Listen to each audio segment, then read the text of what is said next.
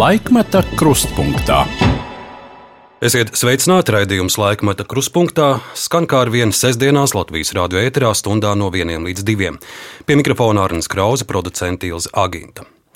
Šodien mums saruna ar cilvēku, kuram ir bijusi iespaidīga karjera Latvijas politikā un diplomātijā. Vēl pirms neatkarības 80. gadu vidū viņš ir gados ļoti jauns Valmieras 11 varoņu jauniešu komjauniešu vidusskolas skolotājs un arī direktors.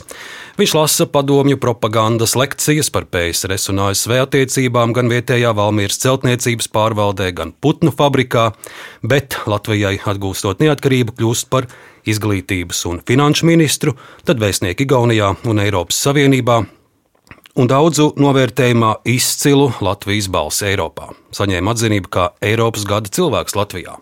Viņš bija Eiropas Savienības enerģētikas komisārs pirms nu jau gandrīz 20 gadiem, kad Krievija pirmo reizi sāka šantažēt Eiropu ar gāzes piegādēm. Un viņš jau 2005. gadā, kā Briseles komisārs, brīdināja Latvijas valdību, ka mēs nevaram sēdēt tikai uz Gazprom gāzes adatas. Man saruna šodien ar politiķi, diplomātu, bijušo Eiropas Savienības komisāru un savulaik arī jaunu skolotāju Valmierā, Andri Piebalgu. Piebalkungs, sveicināti! Labdien. Par skolas gadiem, izglītības jautājumiem mēs noteikti šodien arī runāsim, gan jau pieminēsim arī mm, padomu laiku, dzīvi tajā režīmā un ideoloģiju, bet eh, sāksim ar šodienu. Karš Ukrainā un Kremļa šantāža izmantojot savu naftu un gāzi. Šonadēļ Krievija paziņoja, ka Nord Stream 1 cauruli uz Eiropu tā aizgriež pavisam, un vairs pat nav tehniski kādi attaisnojumi, tas ir skaidrs politisks spiediens vai ne Jūsuprāt, Latvija un Eiropa šoziem spēs eh, novērst Putina plānu, likt Eiropiešiem eh, savos dzīvokļos, varētu tā teikt, sajust Sibīrijas augstumu? Ne, par, par šo ziemu nav nekādu, neredzu risku. Tas lielais risks īstenībā ir nākamā ziema. Šis, šis gads ir gāzes krātuves Eiropā ir pietiekami pilnas, ir pietiekami daudz sašķinātās gāzes, ir pienākta palielināta arī gāze no no Norvēģijas, vairāk nāk no Azerbaidžānas, un tas viss izskatās ļoti labi. Bet nenākot Krievijas gāzei, mēs spiest esam tukšot gāzes krātus vairāk nekā tas būtu vajadzīgs vajadzīgs. Un tāpēc tas, tas, tas īstenībā tas izšķirošā cīņa ir šajā ziņā ne ar Putinu, bet vai mēs varam ietaupīt gāzi. Jo tie 15%, ko dalībvalsts dažas negribīgi pieņēma, tas ir absolūti nepieciešams. Ja tas netiek izdarīts, tad mums ir problēma nākamajā ziemā, jo struktūrāli pārmainīt gada laikā tas nav iespējams. Tā kā par šo ziemu mums nevajadzētu nemaz satraukties. Es domāju par piegādēm, par, par cenu tā ir cits stāsts, bet, bet par kopējo atkarību no gāzes īstenībā tas nākamais gads varētu būt visgrūtākais. Eiropas Savienībai bija plāns līdz 1. novembrim nodrošināt 80% gāzes rezerves. Komisijas vadītāja Fonderleina nesen ziņoja, ka jau tagad, septembra sākumā, šis plāns ir izpildīts, Jā. pat nesagaidot novembri. Bet Tomēr, cik droši mēs Latvijā varam būt par mūsu gāzes rezervēm, jo no tiem amatpersonu komentāriem, izteikumiem, ne es, es zinu, arī daudzi ļaudis, nu nav līdz galam tā skaidrība. Pietiks mājsaimniecībām gāze, pietiks teciem gāze pietiks gan vieniem, gan otriem. Es saprotu, tur ir milzīga neskaidrība, protams, Latvijas gāzes mistisko pozīciju. Latvijas gāze saka, ka daļa gāzes, kas ir gāzes krātuvē, nav viņai piederoša. Tas, ir, protams, ir jātiek valdībai skaidrībā, kam tā gāze pieder. Ja viņi ir gāzes krātuve iesūknēti kā Latvijas gāze, tad viņai būtu jābūt Latvijas gāzē. Bet man liekas, ka tie galvenie priekšnosacījumi ir, nu, jebkurā gadījumā Latvijas energo ir gatavs pārņemt, ja kaut kas notiek Latvijas gāzi, apjomi pietiekami lieli, un mēs diezgan labi arī zinām, mums ir tomēr tā gāzes pārvades operators, kas arī ir atbildīgs par inčukantu, ir, ir kompetents un viņš skaidri pasaka, ka tur ir tā gāze. Plus mums ir, protams, arī savienojumi. Mums ir savienojumi gan ar Lietuvu, gan ar Igauniju, un, un, un jebkurā gadījumā es, es neredzu fundamentālu risku. Es redzu risku cenās. Cenas, protams, ir tas, kas, kur valdība šobrīd liek 4,5 miljardu, kas ir daudz. Bet tā vai tā, vai mājsaimniecības, īpaši tas trūcīgākās, varēs samaksāt, tas ir kas cits tās. Un tas var radīt, protams, maksājuma problēmas arī uzņēmumiem, kas tirgo gāzi. Ja? Tur ir kaut kādas problēmas, bet tās, es teiktu, ir izcināmas problēmas, un tās normāli cilvēki maz skars, tā, tā būs valdības galvasāp pēc vēlēšanām. Ja mēs runājam par cenām, nu pat ir publiskot arī dati, ka Latvijas gāze kuras īpašnieku sastāvā puse ir cieši saistīta ar Krieviju, pirmajā pusgadā ir nopelnījusi 88 miljonus. Tātad eh, peļņa ir eh, milzīga, un diez vai otrajā pusgadā tā būs mazāka. Redzot jaunos tarifus un rēķinus, ko mēs esam darījuši, lai nebūtu tik atkarīgi no Krievijas gāzes? Tas, tas ir labs jautājums. Nu, un, jāsaka, godīgi, mēs ļoti maz esam darījuši. Jā, jo, jo, jo skaidrs, ka mēs nevaram lepoties ar Lietuvas terminālu. Protams, Latvija ir atbalstījusi savienojumu ar Somiju, Lietuvas savienojumu ar Poliju. Eh, mēs nevaram teikt, absolūti, ka nekas nav darīts, bet eh, ir pieļauts absolūts dominējošs stāvoklis, kāds ir Latvijas gāzē, kuras biznesa modelis ir iepērkam gāzi Krievijā un pārdodam šeit. Un pie tam Latvijas gāzes pēdējā laikā tā, paziņojumi ir ne tikai pretrunīgi, bet dažreiz ļoti absurdi. Jo, piemēram, kā var iepirkt gāzi trešās valsts uzņēmums ne no Gazprom jau vienīgam uzņēmumam, kuram ir eksporta licence uz gāzi, ir, ir Gazprom. Tas, tas man vēl tagad mulsina, jo es nezinu nevienu citu vietu Eiropā, kurā kāds pirktu gāzi būs, ne no Gazprom. Kam tad, kas tad tev pārdod? Jo vienkārši nav eksporta licence. To tu nevari izdarīt. Sašķidrināto gāzi, jā, Novatekam ir licence un varētu arī citas, bet, bet pat rubām nevar nākt. Tā, kā, tā, tā, tā mūsu pretruna pamatā rodās ar to, ar Latvijas gāzes dominanci, kas piegādāja lētu gāzi relatīvi jā, pēdējā laikā, bet, bet absolūti nediversificējot to. Un arī šobrīd arī nav skaidrs, vai viņiem ir kaut kāds līgums ar kaut kādu citu piegādātāju. Nu, tas, tā, to es vienkārši nezinu. Viņi, viņi saka, ka viņi ir aizsūtījuši informāciju ekonomikas ministrijai, un es uzskatu, ka ekonomikas ministrija ir ļoti kompetenta. Tā kā arī tur man nav tādu šaubu, viņi pietiekami skaidri darbojas. Es domāju, ka mums nevajadzētu pārāk izsamist, bet mēs, protams, pa daudz sēžam dējām uz Krievijas gāzes atkarības. Tas ir neapšaubāms. Jūs sakāt, ka mēs esam pārāk maz darījuši, lai mazinātu atkarību no Krievijas gāzes, un es uzreiz pārliekšu uz 2005. gadu. Tas ir laiks, kad jūs bijāt Eiropas Savienības enerģētikas komisārs. 2005. gada 16. marta ziņa, mazs citāts no tās. Latvija saņēmusi atkārtot Eiropas komisijas brīdinājumu par to, ka valsts nav atvērusi gāzes un elektrības tirgu brīvai konkurencei. Zīmīgi, ka brīdinājumu Latvijai izteicis mūsu pašu enerģētikas komisārs Andris Piebalgs. Ja sājuma laikus neizpildīs Briseles prasības, Latvija pirmo reizi, Latvijai pirmo reizi būs jāstājas Eiropas kopienu tiesas priekšā.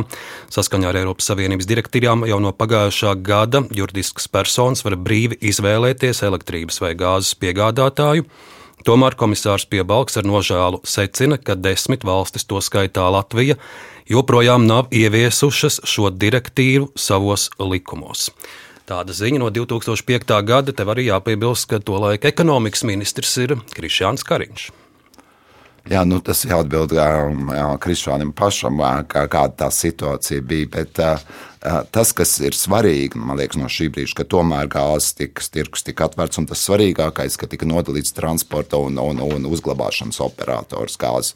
Un šajā ziņā tāpēc es tik, tik droši runāju, jo mums ir valstisks uzņēmums, kas zina, kur gāze nāk iekšā, cik daudz viņa nāk iekšā, kur viņi ir noglabāti, kas viņi ir noglabājis. Viņi, protams, nevar teikt man vai jums, kas ir tie gāzes īpašnieki tieši, bet viņi zina. Un tāpēc man ir tāda diezgan pārliecība par to, ka tie riski ir, ir ļoti, ļoti mazi. Bet raugoties vēsturē, un arī par šo citātu runājot, te mēs redzam, ka Gazprom vai Latvijas gāzes pozīcijas, tas monopols tolaik bija acīm redzot tik spēcīgs, ka bez Briseles pirksta kratīšanas arī lietas nenotika. Nē, nu, piemēram, Lietuviešu kuģis bija viennozīmīgs, ka tas termināls, ko viņi uzbūvēja, tikai pateicoties Eiropas Savienības direktīvai un teitai prasībai ieviest. Jo Gazproms izvērsa nenormālu spiedienu uz viņiem, un viņš teica, mēs neko nezinām, ejiet uz Briseli. Un uz Briseli viņi tomēr nenāca. Viņi nekad nenāca pie manis sūdzēties par, par Lietuvu. Jā, to es tādu situāciju neatceros. Un Lietuva faktiski realizēja to, un pēc tam viņi atrada arī, protams, veidu, kādā veidā finansēt caur tarifiem. Tas parāda, ka tu vari daudzas lietas izdarīt. Arī elektrības savienojums sākotnēji Latvija nebija baigta lielā sajūsmā par elektrības savienojumu ar Zviedriju, piemēram.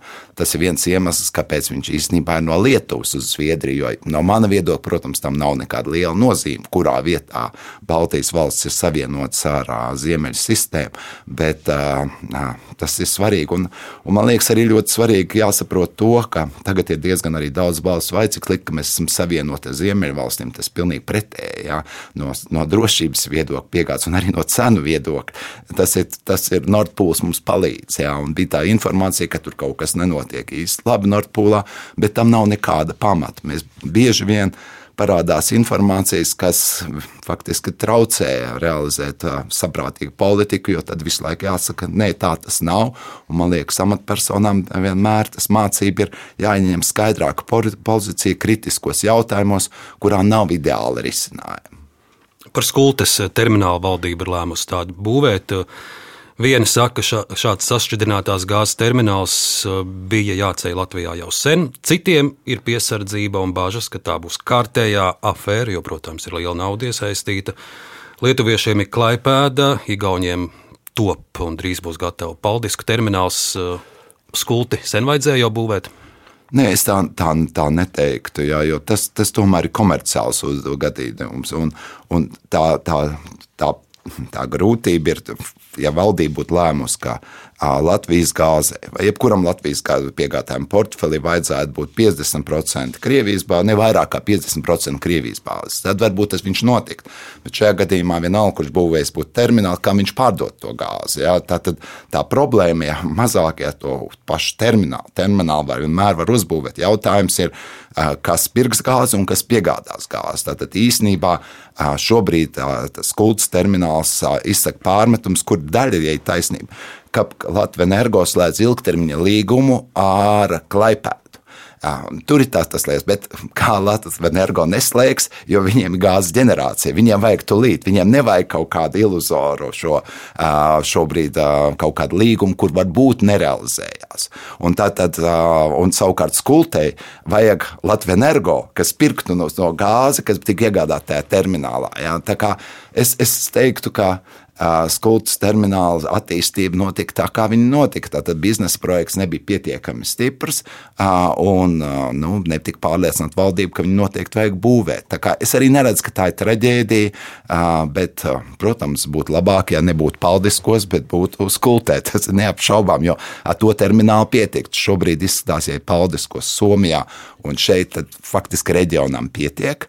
Jā, investori. Vēl ir arī savienojums ar Poliju. Polijas Tieši tā, jā, bet ja investori nolēma būvēt un viņiem ir noiets, piemēram, līgums ar Lietuvas minerālu mēslu ražotāju, kur amonītu, varbūt, ka tur sanāk, vai ar kādu Somijas lielu, lielu uzņēmumu, bet tā, tā grūtība ir ne tik daudz uzbūvēt terminālu, bet dabūt gāzi uz terminālu, kas pārdod un kurš pērk no termināla. Un tā ir tā, tā lielākā grūtība. Ja, tā kā, Tā kā, jā, tā, šeit nav tādas viennozīmīgas taisnības. Bet tās bažas, kas tur ir arī sociālajos tīklos, vai tik te nebūs kārtējā afēra, jums arī kaut kādas tādas nē, nē, es nedomāju, lietas? es nedomāju. Es vienkārši negribētu, ka valsts liek naudu projektā, kura par kuru nav simtprocentīgas pārliecības, ka tur vajadzētu nodokļu maksātāju naudu. Tas, tas, tas ir tas man, man piesardzība. Citādi, ja tas komerciāli būvēts un tagad arī noteikts, ka tās procedūras ir priekšā, tas ir ļoti labs lēmums. Ja?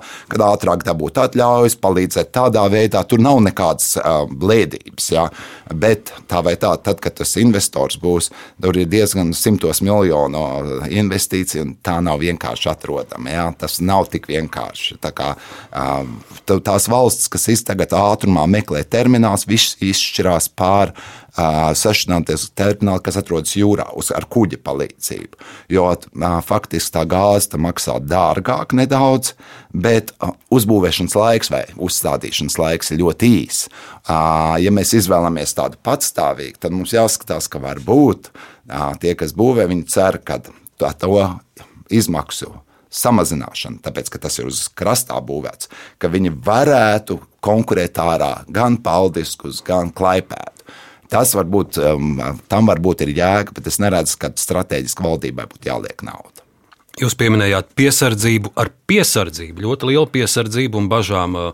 Baltijas valstis lūkojās uz Krievijas gāzes vadu, kurš tika izbūvēts pa Baltijas jūru no Sanktpēterburgas uz Vāciju, šī Nord Stream līnija. Un, uh, Kamēr Baltiešiem bija piesardzība, protams, Vācija ļoti aktīvi lobēja šo projektu, un 2005. gadā, novembrī, jūs arī kā Eiropas Savienības enerģētikas komisārs sakat šādus vārdus.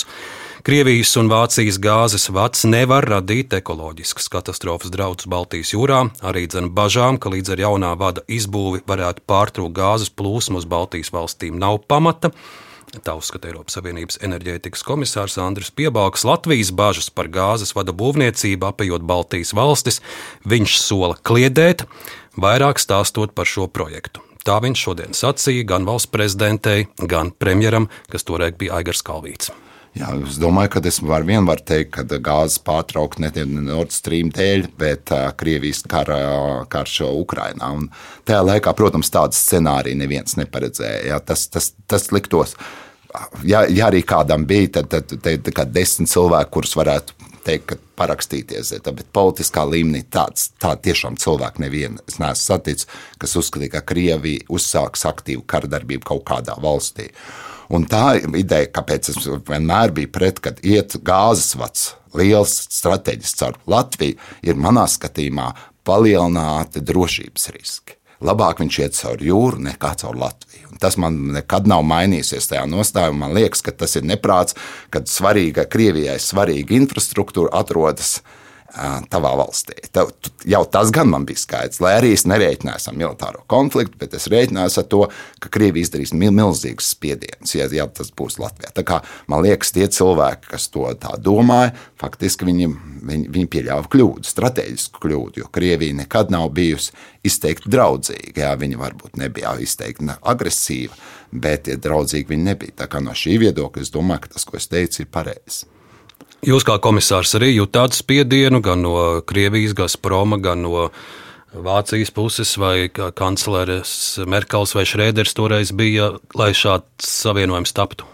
Jā, jā, Vācija viennozīmīgi atbalstīja. Es, un, un tā loģika tam pirmajam bija tas, ka tajā laikā stipri atjaunojamās enerģijas nebija stipras. Jā, tad faktiski atjaunojamās enerģijas ieviesās ar lielām grūtībām. Tā, tā ir tā, tā 20, 20, 20 paketi. Un bija doma, vai bija tā paredzēšana, ka rezultātā mums vajadzēs daudz vairāk gāzes. Un bija projekts, Stokmana projekts, kas uh, Norvēģija, Statoils to laiku strādāja ar Gazprom. Protams, tas projekts ir mieris un tur ir milzīga apjoma. Tā doma bija, ka šī gāze nāk no šī projekta uz Eiropas Savienību, kurai būs vairāk patēriņa. Tā kā nu, šodien es teiktu, ne, ne jau tajā vadā ir tā problēma. Problēma ir, ir pilnīgi citā lietā. Ne jau enerģijā bija tā problēma. Problēma bija, ka Krieviju mēs nenovērtējām vai politiski nenovērtējām Krievijas agresivitātes iespējamo uh, tālāko attīstību. Un to, to mēs nenofiksējam. Un, to, tā, un tas, man liekas, ir vairāk drošības iestādes, tās, kas analizē visus procesus Krievijā. Un, Tā kļūda, kas bija Vācijā, protams, ka viņi absolūti nediversificēja. Ja, viņi visās citās valstīs ir sašķināti gāzes termināli, Vācijā nav neviena, tagad būs pieci. Esot komisāra amatā, jūs, protams, tikāties arī ar pasaules energoresursu lielākajiem dūžiem, gan ar OPEC vadību. Es pieņemu, arī jums bija sarunas ar Gazprom vadošajiem cilvēkiem, Millers un, un citi. Kādu iespēju šie Krievijas enerģētikas milžu vadītāji jums atstāja, cik daudz viņiem bija pašiem savi lēmumi balstīti uz ekonomiskiem aprēķiniem, cik daudz tur jau bija politika un, un, un kādas Kremļa lietas iesaistītas? Jā, es, es, tik, tik, es, es zinu, ka es esmu ticies ar Milleru. Bet, ja es pareizi atceros, tad tā bija pamatā Krievijas spiediens nepieļaut to, ko sauc par atdalīšanu, sadalīšanu, piegādi, transportu un, un, un uzglabāšanu. Ja? Tā kā Man liekas, ka tas bija saistīts ar šo trešo paketi, kur Krievija ārkārtīgi protestēja. Viņi nekad nenāca tāpat vien draudzīgi. Tad, tad tas bija tas, tas iemesls, kāpēc Millers bija, lai izteiktu savu iebildums. Tas nebija jau varbūt tāds sašutums, bet iebildums par šo šādu tipu pieeju, ka Krievija ir patstāvīga un uzticama valsts, un tas lielākais tas, tas joks bija, kad cenas uzgāja augšā vēl gada sākumā, pirms iebrukuma Ukrajinā.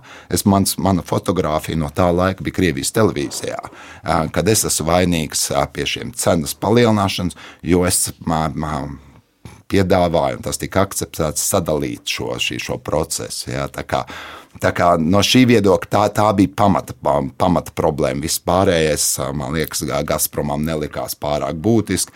Vēlāk, protams, viņiem bija konkurences direktorāta zināmas attiecības. Bet ir cilvēcīgi, kāds bija šīs sarunas ar Gazprom viņas vadītājiem? Nav, nav vieglas. Viņas, viņas faktiski tas, tas, tās oficiālās varbūt nav tik asiņainas, kā liktos, jā, bet neoficiālās ir, tas ir mūsu priekšlikums, mūsu nākamais būs sliktāks. Tā ir tā pieeja, kas tika formulēta. Tā ir šantāža arī. Jā, zināmā mērā, jā, tu pasaki, tas ir optimāls, ko mēs varam piedāvāt. Ja jūs to neakceptējat, tad ejiet tālāk. Bet pret Eiropas Savienības neteikt, tas bija tas pamatā, bija pasakiet saviem draugiem, Ukraiņiem. Tas ir tas, tas izteiciens.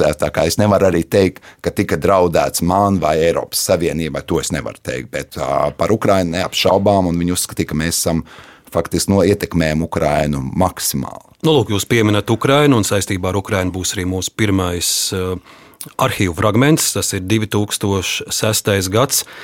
Krievijas un Ukrainas gāzes strīda peripētijās iesaistās arī Eiropas Savienības enerģētikas komisārs Andris Piebalgs.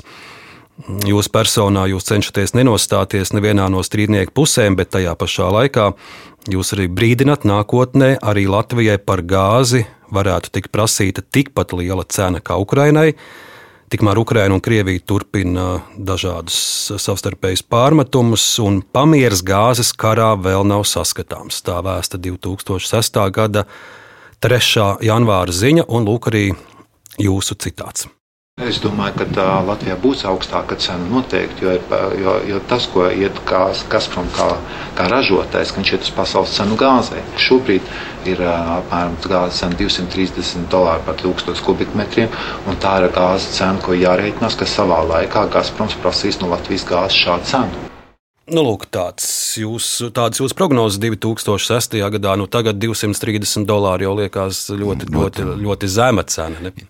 Jā, bet toreiz bija faktiski līguma vai pamatā gāja cauri piesaisti naftas produktiem, un tā ir zināma indeksācija. Tā kā, uh, viņi katrai valstī varbūt bija savādāk, bet skaidrs, ka, ja naftas cena iet augšā, tad viņi agrāk vai vēlāk iziet gāzes cenā. Tas vienkārši ir ar zināmu nobīdi laikā. Tā kā, uh, tā kā, jā, tas, uh, neapšaubām bija. Bet Ukraiņas konflikts, tas, ko Krievija pārmet Ukraiņai, protams, visu, kas nekādā ziņā netika varbūt parādīts faktos, ka daļa gāzes, kas iet tranzītā cauri Ukraiņai, vienkārši pazūd. Tas bija tas, tas pamats stāsts, un rezultātā bija gāzes mērīšana uz, tika uzstādīta ar Eiropas, liekas, naudu gan uz Ukraiņas, Krievijas robežu, gan uz Ukraiņas,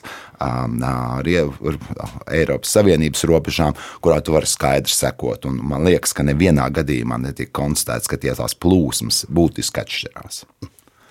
Esot komisāra amatā, gāzes cenas un, un gāzes piegādes jautājumi, bet arī, protams, degvielas cenas ir eh, jūsu uzmanības lokā. Es eh, pievērsīšos 2005. gada vasarai Latvijā. Degvielas cena sasniedz jaunu rekordu - 60 eh, centīmu par litru.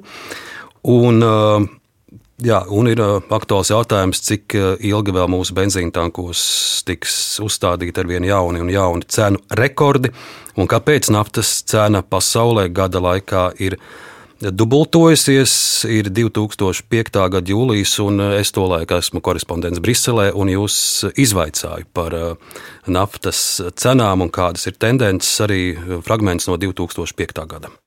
Cerības ir tikai uz to, ka tas pieaugšana būs minimāla un ka eiro kurs varbūt pret uh, dolāru izmainīsies, jo, protams, to nosaka tirgus.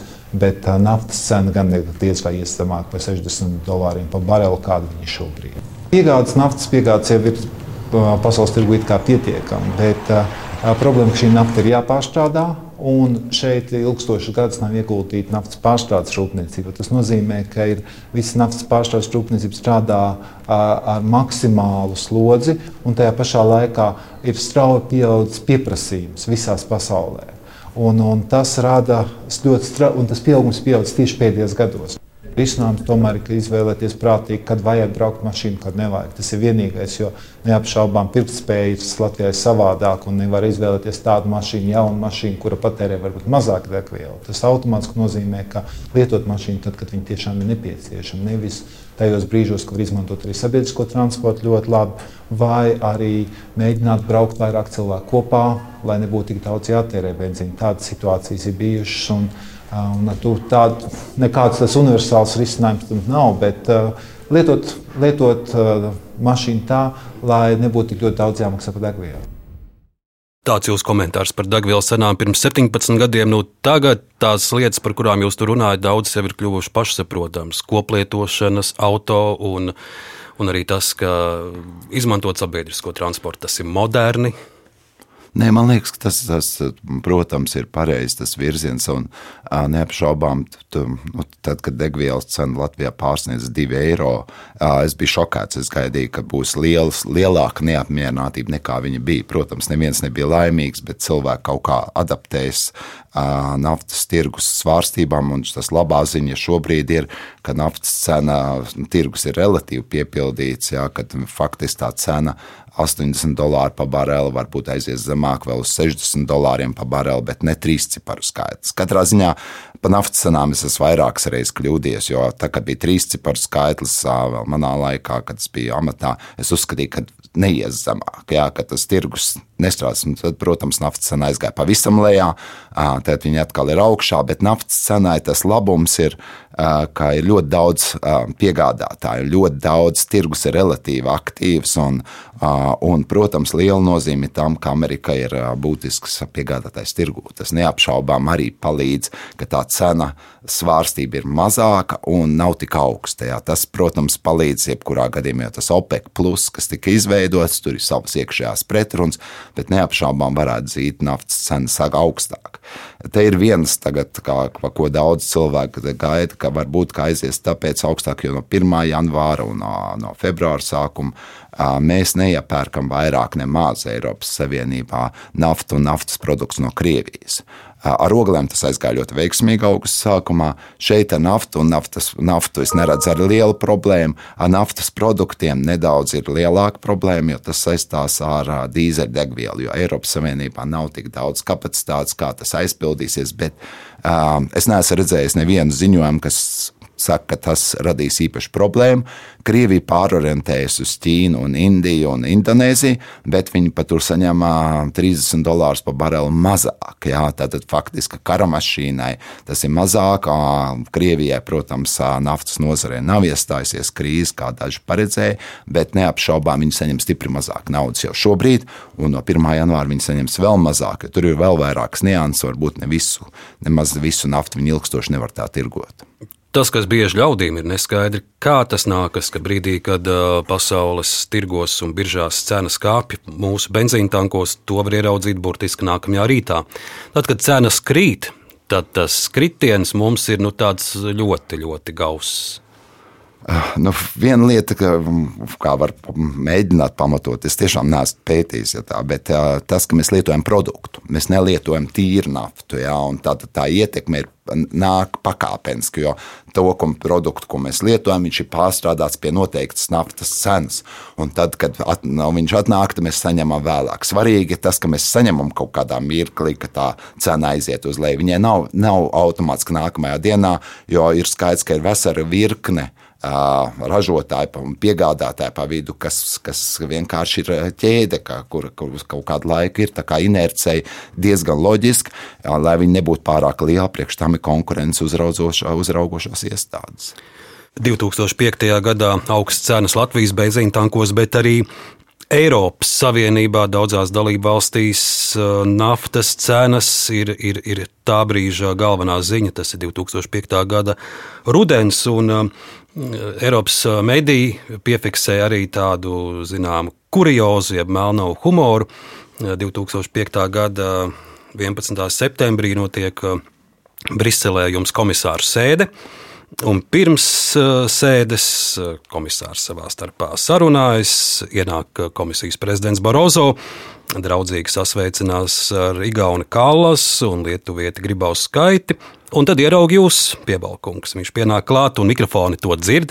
Barozo jums saka, tā ir tava vaina, ka naftas cena arvien pieaug. Un, uh, lai kaut kā aiziet no situācijas, jūs viņam atbildat, tā nav viss mana vaina, bet, bet sasniegums, nu jā, nu šo visu arī mēdīji piefiksēja, un, un, un lai klausītāji dzird, kā tas bija dzīvē, arī, arī mazu fragmentu mēs tūlīt uh, no šī izdzirdēsim. Big, uh, since you are commissioner for energy, the oil is rising. It's good. It's good. This is your fault. It's my achievement. Very good. See you. Jā, nu, Barozo saka, tā ir jūsu vaina par tām augstajām cenām. Jā, Protams, nu, es... ar joku, bet, bet, jā, bet laimīgs es nebiju. To... laimīgs es nebiju par šo piezīmi, jo, ja dabīgi, lai arī tā, tā, tā, ietekme, protams, tam komisāram nav tik liela, laimīgs nes, jo, jo, jo tas mērķis, tās darbības jau diezgan, diezgan pamats, ko tu vari izdarīt. Tas bija uzreiz pie OPEC mēģināt runāt, ka viņi palielina ieguvi un tā tālāk. Bet, bet tas nav tik, tik, tik viennozīmīgi. Un tajā pašā laikā spiediens jau ir maksimāls. Nav jau nekāds. Jā.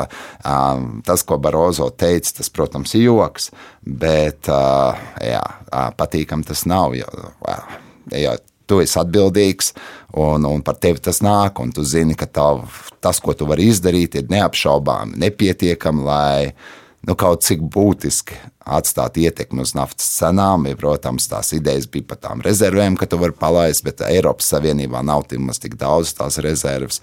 Tā, faktiski diezgan, diezgan tā sajūta ir nepatīkama, jo, jo jāiet otrā virzienā, un es iekļuvu Vācijā nelabvēlīgā situācijā, jo es biju teicis vispār ļoti uzmanīgi arī, es uh, uzskatu, ka teiksim, situācijā, kad naftas cenas ir augsts, es atbalstītu starptautiskās enerģētikas ieteikumu noteikt minimālas, maksimālās cenas uz Vācijas autoceļiem. Tas bija diezgan, diezgan iekļuva bildes saitungā, diezgan arī nepatīkama sajūta, jā, jo skaidrs, ka dabū viss pretī, bet loģika jau savā ziņā ir, jo jau ir divas iespējas. Vai nu tu palielini ieguvu, Eiropas Savienība nav, vai tu samazini patēriņu. Un samazinot patēriņu, protams, tu vari daudz ko izdarīt.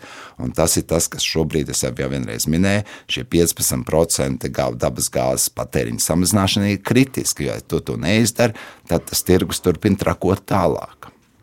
Un te mēs nonāksim pie stāsta par to, kā jūs kļuvāt par Latvijas pārstāvi Eiropas komisijā, par Eiropas Savienības komisāru. Atgādināsim klausītājiem, ka, ka sākumā jau jums bija jākļūst par mūsu izvirzītās komisārs Ingrīdas Udres biroja vadītāju, jeb kabineta vadītāju, bet nu, liktenis pavērsās tā, ka beigās Udres kundze tika izbrāķēta un par komisāru kļuvāt jūs, cik daudz varbūt no tām detaļām, kas tolaik nebija publiskas, jūs tagad jau pēc krietna laika varat atklāt? Jā, tas, tur, tur, es domāju, ka tur nav liels problēmas. Tā tad EMS Um, kas bija ministrs prezidents, tajā mirklī man zvanīja, vai es būtu gatavs tādai, tādai situācijai. Es nejūtos pārāk laimīgs, jo skaidrs, ka Udras kundzes gatavošanās ir arī uz manas sirdsapziņas, jā, un, un, un, un īstenībā tas iemesls, ka bija vairāk iekšpolitiskais, kas izspēlējās Eiropas parlamentā. Tā kā Bet es zināju, ka es neesmu vienīgais kandidāts. Un, un tad jau pavisam vienkārši. Bet par Udri jūs gribat teikt, ka, ka viņa nemaz nebūtu tik slikta komisāra? Ja es domāju, ka viņa nebūtu slikta komisāra. Es ar vienu to uzskatu. Viņa pietiekami gatavojusies. Jā, ja, ja Eiropas parlaments ir negatīvs, tad nevar aizstāvēties. Jau um, Kovačam uzprasīja, Kovač, kāpēc viņš, ne, viņš par enerģiskam, viņš nokaitināja parlamentu, jo viņš bija palicis ilgstoši par to uh, ārlietu ministriju. Un, ārliet, un, un tas pamat viņa noziegums bija, ka viņš nepareizi, nepareizi kvalificēja uh, ūdeņradi. Uh, ūdenis ir enerģijas pārnesējs, nevis enerģijas tiešais avots. Jā, un tādā veidā uh, tas tika uzreiz aizies. Tā kā es, es tur neredzu to problēmu. Un, uh, es biju intervijā pie Barozo, uh, un acīm redzot, vairāk Latvijas kandidāti bija arī.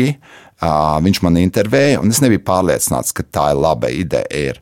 Bet uh, vienā mirklī intervijā viņš saka, vai tu gribi to darbu vai negribi. Un Barozo ir ļoti tiešs. Un tā es sapratu, ka, ja es saku, ka es neesmu pārliecināts, tad uh, viņš vienkārši pateiks, kāpēc tu aizņem manu laiku. Un viņš teica, jā, bet līdz tam jautājumam es nevienā mirklī ne arī īsti gribēju, jo, jo es, es biju tādā diezgan muļķīgā situācijā. Es biju Kalnietes kabineta vadītājs, tātad ūdens kabineta vadītājs, ūdens neizgāja cauri. Es, es nejūtos, nejūtos komfortabli, jo jebkurā gadījumā tas neviens netika pēc tam man nepārmeta, ka nu, tu esi vienkārši izbīvedījis sev ceļu. Tādu cilvēku neesmu dzirdējis, bet es pats nejūtos pārāk spoži. Atgādināsim arī to laiku, kad notika diskusijas par jūsu kandidatūru. Tātad 2004. gada novembris, un uh, mēdīja aptaujā arī ekspertus, kā tiek vērtēta jūsu līdzinējā darbība, un tiek atzīts, ka, protams, jūs esat viens no zināšo, zinošākajiem cilvēkiem Eiropas Savienības jautājumos. Uh, mazs fragments, kur mēs dzirdēsim profesoru politoloģi Žanetu Ozoliņu, vērtējot jūsu kandidatūru. Labāk šis kompetentais padomnieks pats kļūst par komisāru, nekā pretendē tikai un vienīgi uz padomnieku vietu. Un kas nav maz svarīgi, tad šim cilvēkam ir ļoti laba humora izjūta un strādājot komisijā, bez tā iztikt ir grūti. Jā, Žaneta Ozoliņa, nu par to humoru mēs jau tevi arī pieminējām pirms brīža. Es tiešām mīlu no viņas. Es, es neesmu redzējis šo te, un tas tiešām, tas, tas tiešām patīkami. Un, un es zinu arī um, vēl vienu epizodi, kuras arī vienmēr atcerēšos ļoti pozitīvi um, kad uh, pēc manas uzstāšanās Eiropas parlamentā Sandrai Kalnietē prasīja, nu, kāda uzstāšanās, un viņa ārkārtīgi uzslavē. Es pat nemāku tā, tā, tā kā viņa pateikt, kā uzslavēja vienkārši lieliski, vai tas bija vairāk kā lieliski, ko viņa, viņa pateica. Un tam ir milzīga nozīme, ka cilvēkam, kur ir autoritāte, vienkārši nu, uzslavē un, un varbūt nepelnīti gluži, bet, uh, bet varbūt arī pelnīt daļēji, jo nekad jau neviena uzstāšanās nav perfekta. Paliksim 2004. gada novembrī, tātad pēc sarunas ar Brozo. Jums arī jādodas uz um, Eiropas parlamentu, kur arī deputāti jūs iztaujā. Un šeit ir jūsu saruna ar Eiropas parlamenta rūpniecības un enerģētikas uh, komitejas deputātiem. Uh, jūs noklausoties, uh, tiek secināts no viņu puses, ka vairums Eiropas parlamenta frakciju Andri Piebalgu uzskata par spēcīgāko no topošās komisāru saimes. Ir arī noklausīšanās jūsu Eiropas parlamentā, tas tāds nu, pamatīgs eksāmens, un arī no šī perioda tūlīt skanēs mazs fragments, tātad 2004. gada 16. novembris. Es nedomāju, ka tas ir melnais caurums un iestāsies tiešām kā, kā aptumsa. Ja? Tas, tas nu, neapšaubām nav tā. Ja politiski vienmēr ir mēģina bieži vien ir mēģinājumi, kad vienkārši pastiprina interesi par kaut kādu ar tādiem ļoti skaļiem paziņojumiem. Tajā pašā laikā jautājums ir ļoti nopietns, jo Ignālīnas bloku slēgšana dabiski maina situāciju reģionā. Nu, te, lai saprastu arī kontekstu, stāsts ir par atomenerģiju, atomenerģijas nākotni, bet es šo fragment izvēlējos, jo faktiski tas ir, ir viena no pirmajām jūsu uzstāšanās reizēm jau kā komisāra amata kandidātam lielas auditorijas pasaules Eiropas mediju priekšā. Jā, teiksim, Ignalīdas gadījumā neapšaubām ir tā, tās bažas bija, kas notiek, jā, un otrs, bet man liekas, ka tas, tas tas, tas tā dzīve pierādījis, ka aizvēršana īstenībā ir pareizi. Tie nav droši reaktori, tie Černobiļs tipa reaktori, un, un tie tika arī apsolīti sarunu laikā. Tas ir pareizi, un arī ir vēl viena papildus lieta, ja tāds milzīgs energobloks darbo, darbojas, tad arī vajag patēriņu visu laiku nosakt. Es neredzu, ka man atbilde tajā reizē ir bijusi kļūdaina vai, vai nepilnīga. Jā. Es domāju, ka tas, tas tomēr jā, bija korekta atbilde. Tagad dažai partijai pat priekšvēlēšana programmā ir ierakstīts plāns par iespēju Latvijā būvēt savu reaktoru, cik, cik tas vispār ir iespējams. Jā, es esmu ļoti, ļoti skeptisks daudzu iemeslu dēļ. Jo, pirmais, tas maksā ļoti dārgi, un ir vajadzīgs liels, ilgs laiks. Otrs, Uh, jā, tas jau trešais būs. Jā, tā tad ir tas, ka Latvijā nekad nav bijusi kodolstācija. Tā tad ir vajadzīgi diezgan skaidrs, ka vajadzīgs sagatavot attiecīgi institūcijas, vajag apmācīt cilvēkus, kas arī strādās un tā tālāk. Plus mums arī vajag atrast tā, ka nu, tomēr sabiedrība kopumā atbalsta to, jo viena lieta ir teorētiski teikt kaut ko, otra lieta tas, ka nav tā, ka Mēs sakām, ka mēs celsim, un tad ir cilvēki no savāka referendumā un pret. Un tad ir, protams, vietas, kurās atrodas. Jo mēs redzam milzīgas problēmas gan ar kultus terminālu, kad dažādi cilvēki protestē ar atomstaciju. Nu, es, piemēram, esmu diezgan, var teikt, man nav nekādas lielas bažas, ja viņas būvētu nu, relatīvi tuvu jūrmalē, kur es dzīvoju. Man nav tādas bažas, bet es pieņemu maniem kaimiņiem, tas nevisai patikt. Ja? Un, tad, un tā ir būtisks lietas. Tā kā tur ir ekonomiskais pamatojums ir vajadzīgs ļoti labs. Tālāk jāuztrod, kas finansēs to, jo skaidrs, ka to pamatā var darīt tikai lieli, ļoti lieli uzņēmumi, kā, un mums faktiski Latvijas energos pat nezinu, vai ir pietiekami liels priekš tā. Un tad ir uh, visas citas lietas, kas saistās ar cilvēku atbalstu. Jā, jo nevar pieņemt, ka cilvēku atbalsta tehnoloģija, kas nav lietota. Tiem, kuri bijuši Somija, uh, Somija vai, uh, vai, vai, vai Francija, vai Lielbritānija, vai Čehija, vai Slovākija, tas ir savādāk. Jā. Tur, kur nav bijis, tas ir daudz sarežģītāk. Tas ir jāaiziet viss tas, lai tev nav pēc tam uh, problēma. To, kā, un es skatos to procesu kopumā, un es skatos nu, cik mums tās enerģijas patēriņš ir, nu, es neredzu vajadzību pēc tam. Ja būs jauna tehnoloģija, kas ir relatīvi mazi un relatīvi lēti, tad ir cita lieta. Bet šobrīd šādas tehnoloģijas nekur es neesmu redzējis, un es ne, nevienam nav tāda. Jā. Tā kā, tas ir vēl laika jautājums. Pie tā strādā, tā kā es neizslēdzu kaut kad, bet jebkurā gadījumā tā ir pilnīgi cita situācija. Un es drīzāk teiktu, ja mēs gribam būt kodolenerģētikā, tad savienojam ar Somiju un piedalāmies kaut kādā Somijas jauna reaktora būvniecībā, ja tas ir nepieciešams. Bet Somija, starp citu, apturēja Krievijas reaktoru būvniecību. Jā, viņiem ir, un tas reaktors, ko viņi tagad palaiž, viņam vajadzēja sākt strādāt jau 2009. gadā. Tātad 2022. gada beigās viņš strādās ar pilnu kapacitāti. Tad četru gadu vietā tas aizņēma stipri vairāk laika. Plus izmaksas vismaz ir četras lielākas. Jā, kā viņi sadalīsies starp ar Evu, kas būvēja, un, un, un Somijam, kas uzņēmumam, kas pirka, tas ir cita lieta. Tā kā es, es, es tiešām es neesmu ideoloģiski pret, jā, bet es vienkārši neredzu ekonomisko pamatu, un es arī neredzu, ka sabiedrībai ir pietiekams darbs veiks. Varbūt sabiedrība atbalsta, bet ekonomisko pamatojumu šobrīd es neredzu. Un vēl viena epizode no jūsu komisāra darba. Jums bija arī jūsu ikdiena interviju sniegšana pasaules lielajiem mēdījiem, vai tie būtu biznesa mēdīji, Bloomberg vai Financial Times. Ikdiena jums bija komunikācija ar mēdījiem, un jums bija, protams, jāpieredz dažādas situācijas. Arī dzeltenās preses uzmanība jums, un te es varu pieminēt britu tabloīdus, kuriem arī jūsu vārds nepagāja garām, un ir 2000. 11. gads, kad britu laikrakstā Daily Mail ir liels virsraksts piebalgs netaupa elektrību, un tas stāsta tur par to, ka, šī dzeltenā presa ir pamanījusi jūsu pierīgas māju, kur elektrospuldzes dagot dienu un nakti, un viņi tur izsakojuši, ka jūs neesat bijis uz vietas, un turklāt dagot 60 vatu kvēlspuldzes, pret kurām jūs kā komisārs iestājāties. Šādas puldzēm ir meli. Tās ir LED lampas, kas man vispār nevienu kvēlu. Es vēlreiz uzsveru, ka šis ir Daily Mail, dzeltens, dzeltens tabloīds, bet, bet, bet arī šādai pieredzēji jums bija jāaiziet cauri, ka žurnālisti uzpasē jūsu māju un kā tur dega lampiņas. Ne, tas saistīts nedaudz plašāk. Ja tas saistās visā tajā filozofijā, kāda britu no tiem mēdiem. Jo no vienas puses tā Brisele ir nīsta, no otras puses tā Brisele pieņem lēmumus. Un tas, ko man wow, pamatot pārmet, ir tas, ka manā, pēc mana priekšlikuma tika nolemts nepārdot vairāk šīs iekšzemes tās klasiskās kvēldiegas puldzes.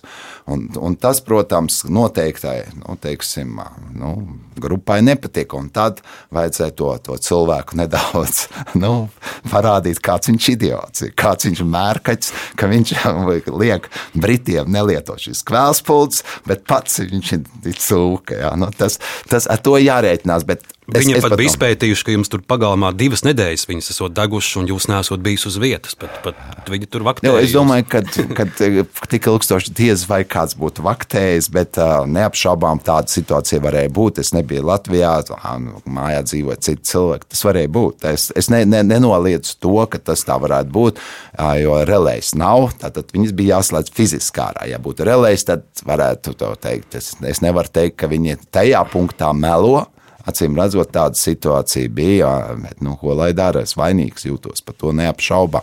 Šobrīd viņš nedara.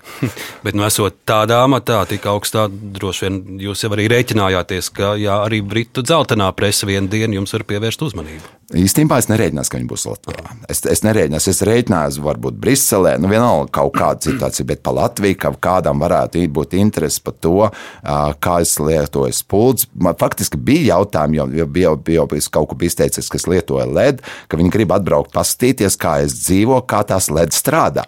Un es teicu, nu, ka tas bija pat raku būt, jā, jo tu, tādi jautājumi es atceros, jā, bet, bet es ne, ne, nedomāju par to kontekstu, jā, jo skaidrs, ka ja, ja Daily Mail tev prasa atbraukt ciemos, jau ne jau tāpēc, lai apskatītu tās ledus pulces, ja tas ir pilnīgi skaidrs, ka viņiem cits tātad, jebkurā gadījumā tu būsi stūri, labāk tad nedod papildus, ne, nepaliec pa pilnīgi muļķi, domādams, ka viņiem nav sava, sava, sava, sava dienas kārtība. Bet nu, šis stāsts saistīts arī ar to, ka publikācijā tiek minēts, ka jūs eh, tajā brīdī, kad viņi pēt jūsu māju, esat Haiti komandējumā un Un tas vedina uz nākamo stāstu, ka pēc uh, enerģētikas komisāra portfeļā jums ir nākamais termiņš, jums atkal uztic uh, komisāra pienākums, un jūs kļūstat par, uh, ja tā vienkārši var teikt, attīstības komisāru sadarbībai ar, ar jaunatīstības valstīm. Un, un tolaik tas daudziem ir pārsteigums, un daudz izbrīna, ka ar jūsu pieredzi, ar jūsu reputāciju, ar jūsu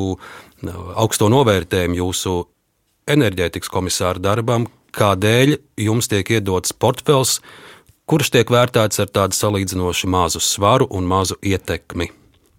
Kādēļ tā notika? Jā, es, tas jāprasa būt Barozo. Tā, tā, tā, tā, tā viņa loģika, ko viņš man teica, jā, viņam faktiski nu, laika gaitā ir laba, laba sadarbība. Jā.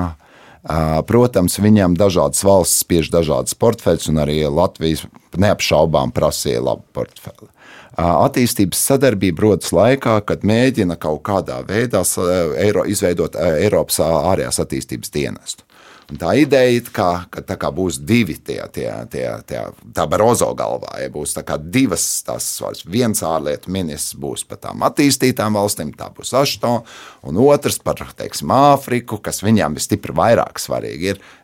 Un, lai nebūtu konflikta, labāk tādi cilvēki, kas mazāk konfliktētos. Ja?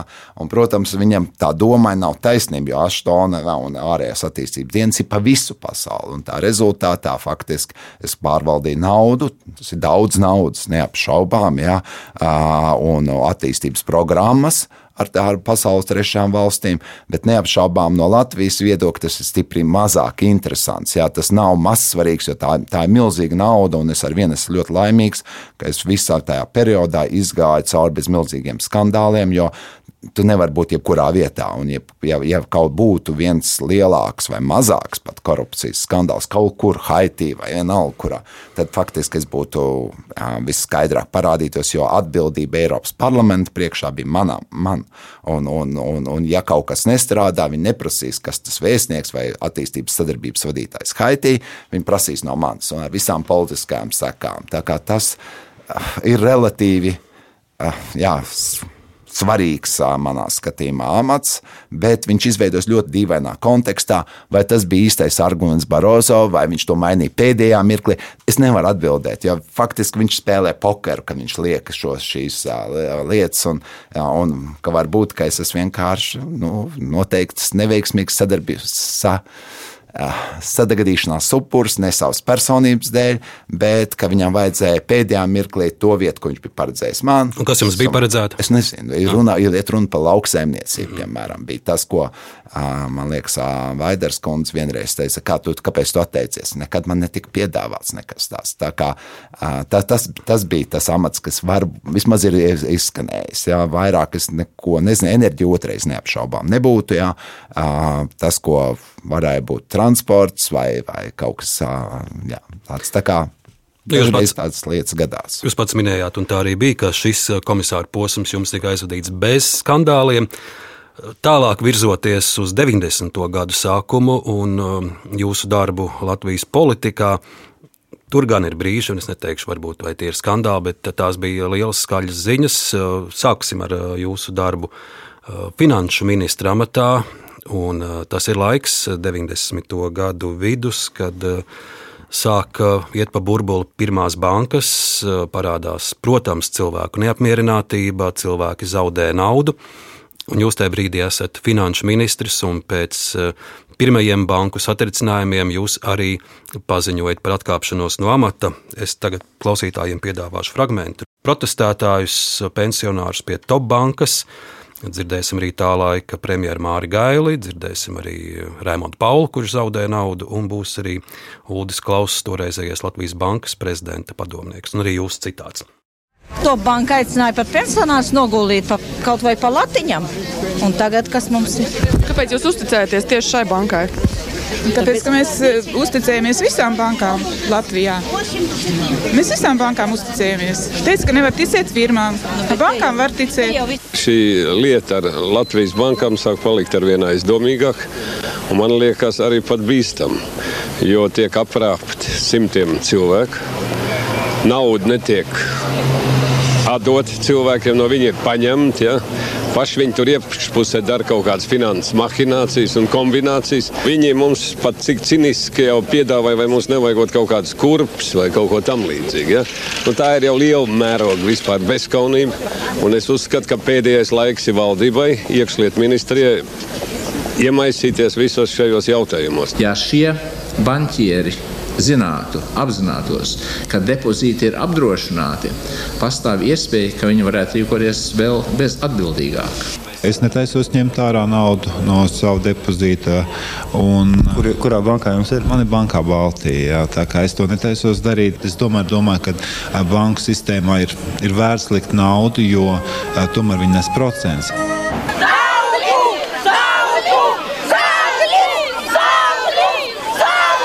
Tiešām būt absolūti droši, ka nekādas ķibeles šeit nav gaidāmas. Ja stāv valsts ar visiem saviem resursiem vienai bankai aiz muguras, tad tā ir absolūta garantija, absolūta drošība.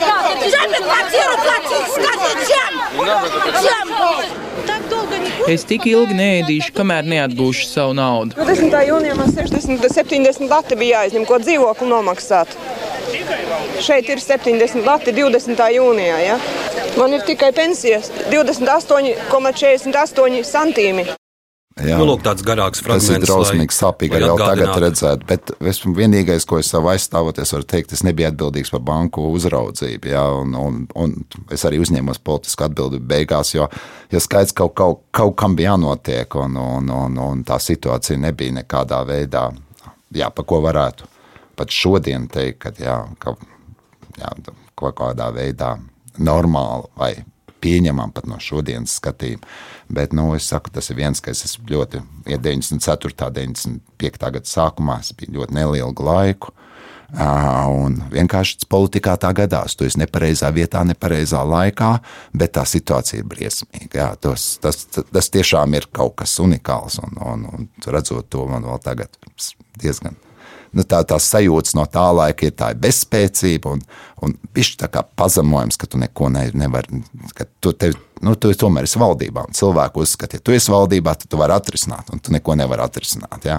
Un, ja tavs valdības vadītājs saka, ka nekādas ķibeles nav gaidāmas, mēs dzirdam Mārs Gailis. Nē, es, es domāju, Mārs Gailis jau arī nebija atbildīgs par uzraudzību. Jā. Es domāju, ka uzraudzība bija pārāk jauna, pārāk zaļa un, un viss. Jā, tas, tā, kā, tā ir tāda valsts kopējā neveiksme. Tas ir tāds ļoti skaidrs valsts pārvaldības kopējā neveiksme. Es domāju, ka, ka, jā, ka tas nav Tas, ko es arī teicu, man nevajadzēja teikt, vai man ir banka, naudā banka vai nav. Tas nebija jāsaka. Jā.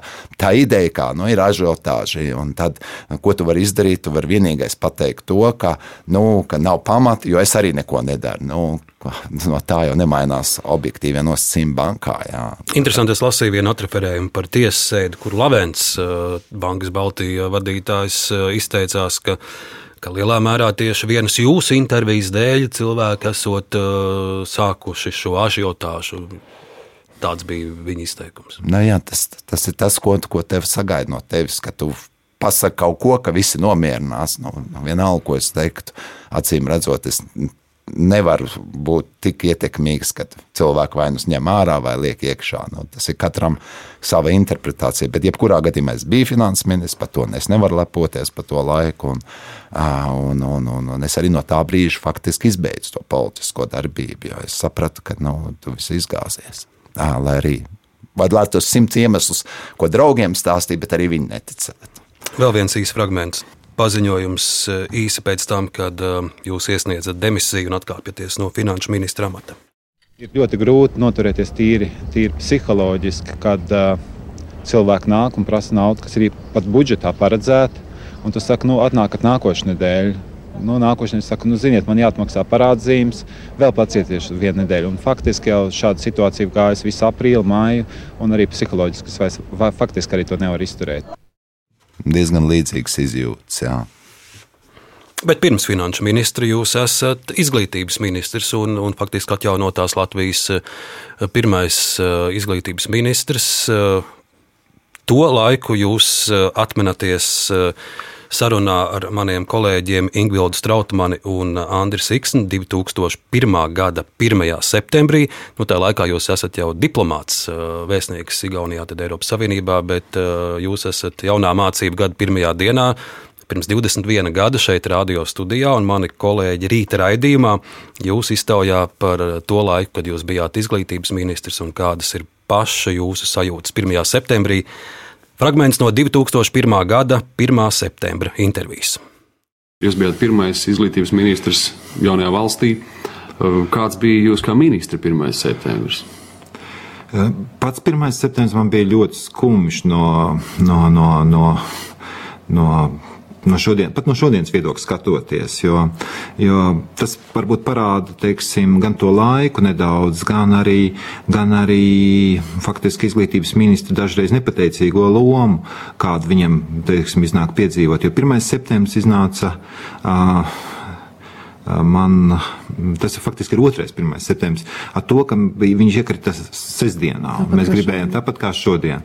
Un labu gribot, ka mācību gads mans uzskats bija, ka ir mācību gads pa īsu, nedrīkst nevienu dienu zaudēt bērniem jāapgūst zinības, tātad viņš būs jābūt skolā jāsāk 1. septembrī. Visi nopūtās, bet piekrīt. Un tad īsi pirms, pirms 1. septembra man zvana Godmans un saka, ka 1. septembrī bērni nedrīkst būt ielās, jo šajā laikā izvadīs omonu uh, vienības.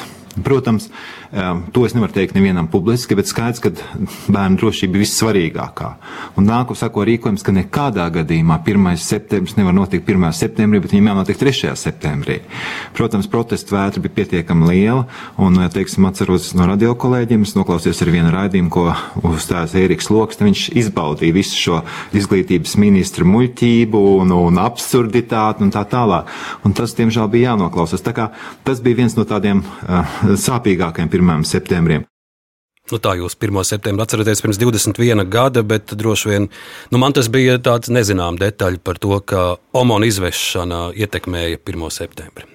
Jā, nu, nevajadzēja man savā laikā uzstāt uz to, bet es, es ar, ar vienu jau Latvijā ir tā diskusija, ka mācību gads ir pa īsi. Jā. Viņa nav beigusies nu, vēl no jau 20 gadu. Jā.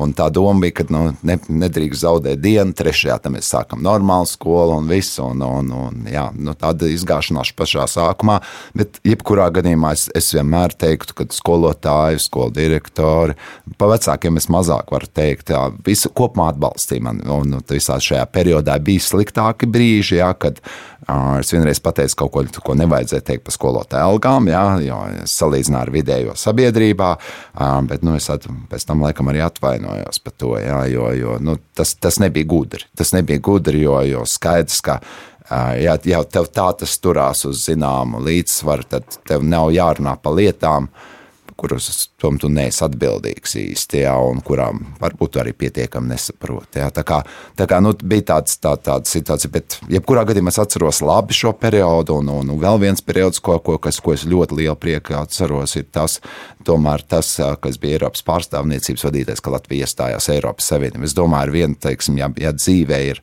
karjeras augstākais punkts, tad tas neapšaubām ir tas, šī, šī, šī pārstāvniecības vadīšana. Un, un tur arī tāda zīmīga epizode, jo Latvijā bija referendums. Un tad, nu, cik mēs tie cilvēki toreiz nebijām daudz tajā pārstāvniecībā. Un es atceros, vakarā mēs runājāmies par to. Es teicu, ja res, res, referendumā atbalsta izmaiņas pilsonības likumā, tad viss atbildība uz mums. Jā, jo tad vairs nav nekādas, nu, teiksim, cilvēki ir gājuši, mainījuši savu viedokli, daži īsti nepārliecināti, bet domādami, ka tas, ka tas ir svarīgi valstī. Un tad tu nu, sarunās kļūt, paiesakot, netiec pat pie tām sarunām kārtīgi. Ja? Tad tā ir tāda izgāšanās, ko nevar pie, pie, pieļaut. Un, un, un tomēr tas process gāja veiksmīgi. Jā, tas nav tikai, protams, mans nopelns, tas ir daudz cilvēku nopelns, tas ir Andriņa Čestera nopelns, tas ir vis, visi kolēģi, kas tur strādāja, bet ne tikai viņu. Daudz, faktiski viss vis sabiedrība, jo tas referendums, protams, bija izšķirošais, ka mēs esam šobrīd Eiropas Savienībā. Tad katrs, kas balsoja tajā reizē jā par tām izmaiņām, īstenībā palīdzēja atrasties mums tajā situācijā, kurā mēs esam šobrīd. Vēl paliekot arī pie izglītības, nākamgad būtiska reforma noslēgsies un mācības Latvijas skolās būs tikai latviešu valodā.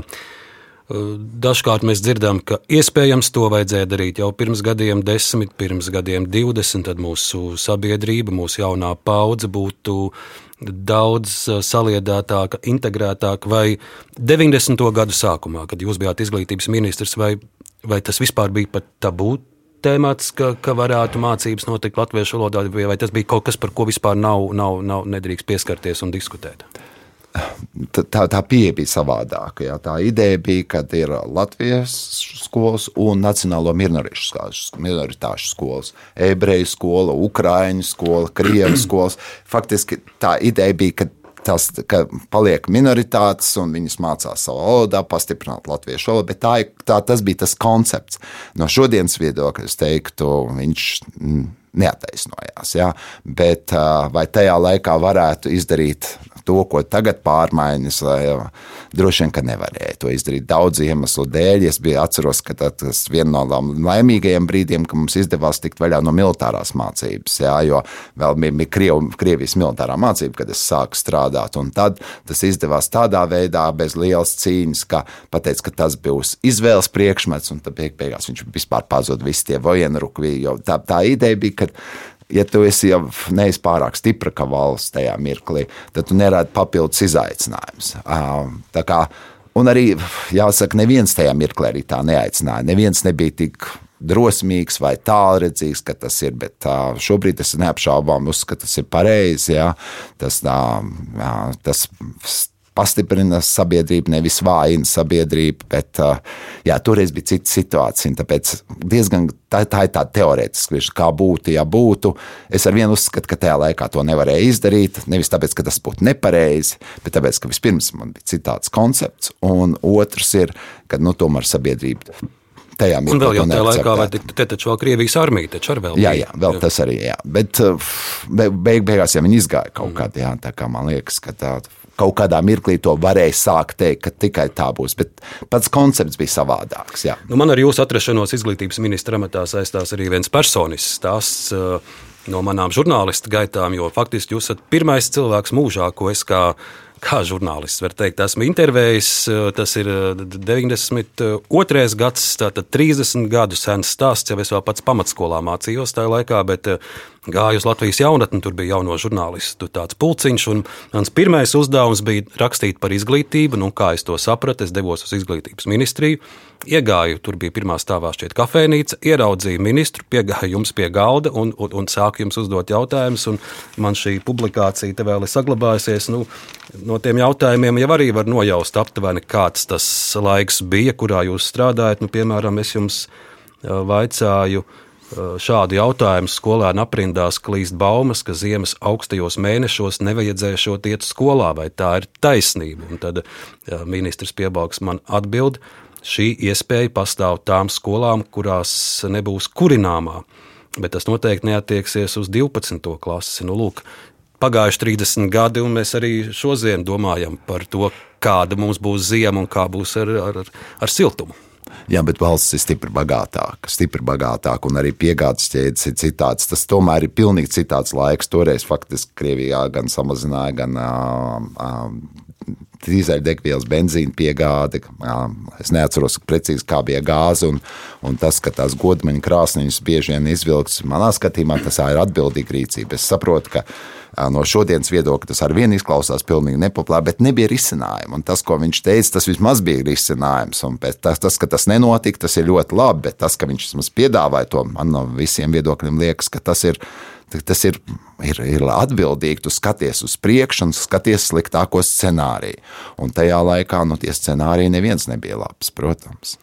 Piebalkungs, es šodien gribētu arī jūs īsi iztaujāt par laiku, vēl pirms jūs nokļūstat lielajā politikā. Tur mēs varētu runāt arī par Latvijas ceļu un, un par diplomātiju. Pirms 90. gadiem jūs esat skolotājs, pedagogs, arī skolas direktors Valmjerā. Un, Par šo laiku ir arī vairākas uh, liecības uh, periodikā, Valmīras laikrakstā Liesma. Es palūkojos 84. gada, piemēram, viens raksts un um, īsts citāts no tā. No jūlija līdz oktobrim Andris Piebalgs nolasīto lekciju daudzuma ziņā izvirzījās par vienu no čaklākajiem lektoriem.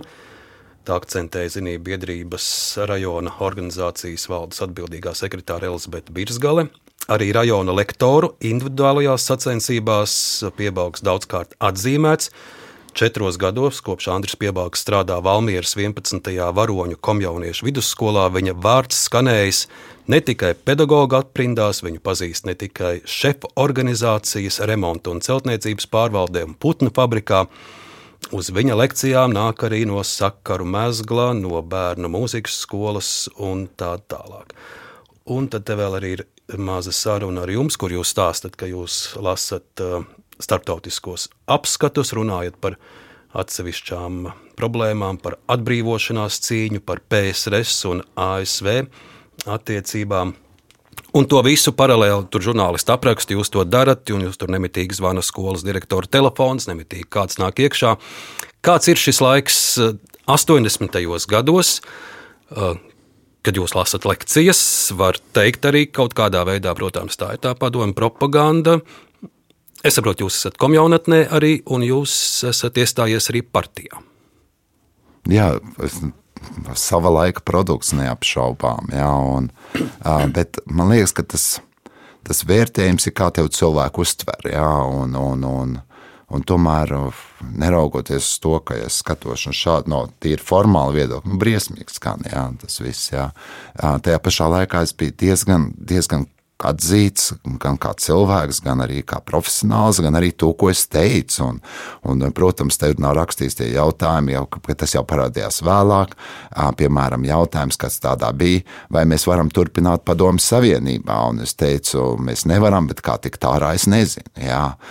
Tā kā tas diezgan, tā, tas ir sava laika produkts, un tāpēc es domāju, ka, jā, es, ne, es nepārkāpu kaut kādus savas, savas sirdsapziņas pieeja, bet, protams, lepoties ar to nevar, jā, ne, nekādā veidā. Kaut gan no otras puses es mācījos bērniem daudz, maz es biju labs direktors. Es uzskatu, ka es biju labs direktors un sakarīgs. Jā. Tā kā, tā kā es, es kopumā esmu apmierināts ar to periodu. Es, es saprotu, ka tādā krustugunī man, man būtu grūti. Jā, jā, un tas jau tika izmantots arī, kad es kādu brīdi parādījos politikā, tas, kad es biju tajā kompānijā. Jā, tas, tas, protams, ir. Bet, to arī Britu dzeltenā presa vilka iekšā. Jā, jā, jā to, tas parādās. Jā, un, tu, tu neko, un, un ar to tu nevari ne lepoties, ne arī īsti nevari pamatot. Jā, jā, bet tie cilvēki, kas tevi zina, nu, apmēram saprot to kontekstu, kādā tas notika. Un, jā, Jā, kā es saku, to nevar lepoties, bet tas ir noticis. Nu, ko es varu darīt? Bet es arī nekaunos, ka tā tas ir noticis, jo nu, nu, es darbojos tā, kā es tajā mirklī domāju. Jā, un, un, un, un pēc tam jā, viegli pateikt, kā būtu, ja būtu. Nu, nu, kļūdas notiek, jā, kļūdas notiek, un rupjas kļūdas notiek. Dabiski, ka nevajadzēja tajā partijā stāties. Dabiski, jā, bet tajā laikā man tāda sajūta nebija, ka tas ir nepareizi. Un, un jūs jau bijāt vēl tomēr gados ļoti jauns arī. Jā, jā, bet nu, tas ir saistīts ar skolas direktoru. Jā, es atnācu, protams, nebija nekāds partijas biedrs. Es nebiju augstskolā, jā, es strādāju tur, es biju mācību pārziņas, man nebija, bet uh, tad skolas direktora gāja pensijā, un skolas direktoram jābūt. Tev saka, nu, tu stāsies, nu, jā, es ne, nekādus, nekādus tur īpaši, teiksim, tā, pretenzijas neizvirzīju, jā, vai es būtu kļuvis par skolas direktoru, nu, nebūtu kļuvis, bet man arī nebija tāds mērķis kļūt par skolas direktoru. Tas drīzāk likās, nu, jā, nu tā tas notiek, jā, bet, uh, bet ir jau arī vispār ir vēl viena epizode, kur es esmu kā lepns par sevi. Jo sākotnējais tautas fronts filozofija bija, ka jānomaina kompartija līderi. Un tad, kad Valmjerā bija tās vēlēšanas, tautas fronte izvirzīja mani kā tās kompartijas tās rajona nodaļas vadītāju. Beigu beigās tur notika zināma sadarbība starp vecajiem teiksim, uzņēmumu vadītājiem un, un tiem, kas gribēja pārmaiņas, un ievēlēt citu cilvēku, kas ir ļoti cienījams cilvēks un ļoti labs. Bet tā ideja bija, ka man jākļūst par otro vai trešo sekretāru. Un es atceros, kā man visi metās tie cilvēki, ko es atzīstu un cienu, kas nav partijā, ka es neesmu kļuvis par otro sekretāru vai trešo sekretāru. To ideoloģisku. Un, un es teicu, ka tas nav mans ne mērķis, nekā. Tā kā, tā kā īstenībā ir tāda ļoti interesanta epizode, kurā es uzskatu, ka es biju pakļauts milzīgam spiedienam pat no šodienas viedokļa. Jo, jo viena lieta, ka tev ir nu, dzeltenā prese vai trešie cilvēki prese, cita lieta, ka tev ir autoritātes, kas tev pārmet, ja, ka tu esi kaut ko nodevis. Un tad ir daudz grūtāk, ja tīpaši, ja tu esi jauns un tev nav, nav jā, tāda stingra pamatojuma. Tu vienkārši saki, tas nav pareizi, es to negribu, es to negribu un viss. Un tā, kā, tā ir tāda diezgan interesanta tāda situācija, kāda ir bijusi, ja, un, un, un, un, un nu, tas, tas savā ziņā tomēr ir kaut kādā mērā attaisno man, protams, ne jau vēlēšana kampaņā tas būtu, ka es tomēr bijis epizode, kad viena neatkarības, teiksim, kaut kādā posmā es biju nu, diezgan, diezgan lielās krustugunīs, jā, un, un, un tā skaidrība nekāda liela nebija, un tas bija pirms vēl faktiski visām vēlēšanām, no tā varēja būt diezgan liels seks arī man, jā, ja, ja viss aiziet kaut kā savādāk. Tā kā, tā kā ir zināms līdzsvars, un es, es saku, ka es nelepojos. Bet arī ļoti nekaunos, kas ir bijis, tas bijis. Kas ir bijis, kas bijis. Mēs esam šodien sarunā izgājuši dažādām desmitgadēm, dažādiem notikumiem, vēsturiskiem notikumiem, kurus jūs esat pieredzējis ar savām acīm. Bet, bet vēsturisks noteikti būs arī uh, 1. oktobris, pēc nepilna mēneša saimnes vēlēšanas. Diena, kas lielā mērā arī noteiks, kā mūsu valsts attīstīsies tālāk. Kā jūs raugaties uz nākamo Latvijas parlamentu Un mēs, protams, neminēsim ne konkrētas partijas vai, vai, vai politikas. Es esmu optimistisks, bet... es esmu ļoti, ļoti optimistisks. Jautājums, protams, ko katrs grib redzēt, jā, bet manā skatījumā es gribu redzēt pirmkārt, kā ir skaidra attieksme gan pret Eiropas Savienību, gan pret NATO, NATO gan attiecība pret konfliktu Ukrainā bez kompromisa. Tad tas ir pirmais, un tur man nav šaubu, ka valdība un parlaments vairākumā būs tur. Otrs, kas man ļoti svarīgi liekas, ir, ir, ir cīņa pret korupciju korupcija. Jā, nu, tas tomēr ir stipri mainījies. Nu, ir, stipri mainījies gan tagadējās partijas. Jā, es nesaku, ka tur var būt ka kaut ko slikti, nu, kaut kas netiek ievērots, bet tā sajūta jau ir diezgan skaidra. Tātad arī tur es neredzu lielu problēmu. Un, ja, kas attiecas arī tiem sarežģītajām situācijām, nu, teiksim, par to pašu gāzi, jā, tur ir savas pretrunas, un, bet kopumā tas virziens ir pareizs. Kopumā tas, ko valdība saka, ir diezgan pareizs. Tā, tā, tā mana sajūta, ka nebūs būs, būs labāk. Tas, ko es sagaidu, varbūt papildus, bet to nu, grūti rēķināties vēlēšanās kad ir lielāka profesionalitāte visā, visā administrācijā, valdībā un, un lēmumu pieņemt nevis nu, tāds, ka partija kaut kādas ko, koalīcijas.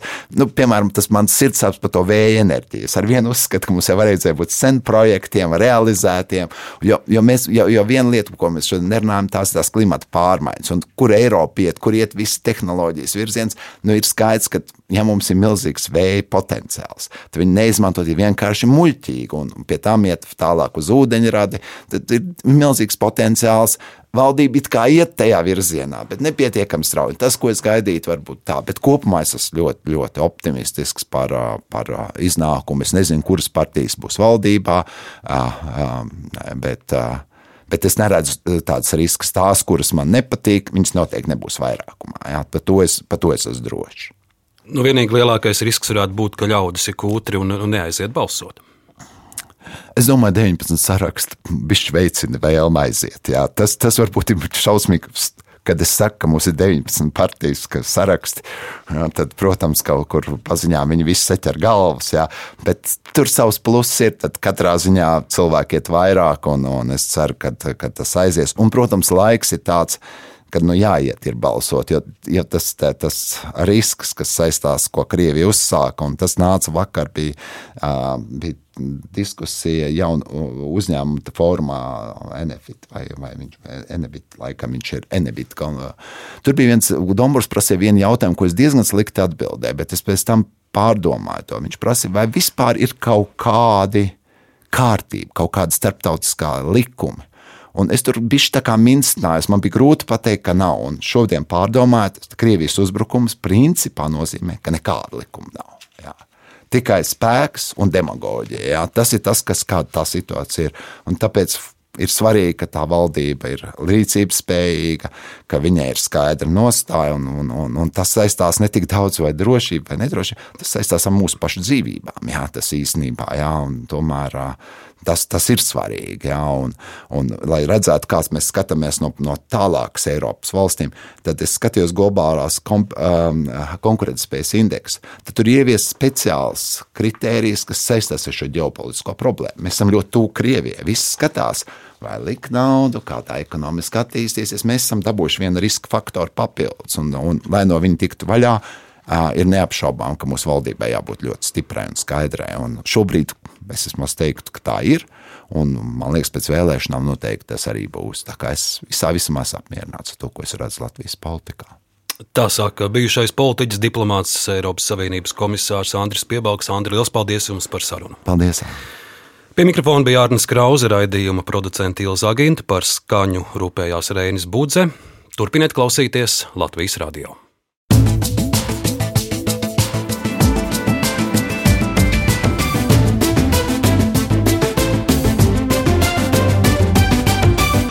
Laikmeta krustpunktā.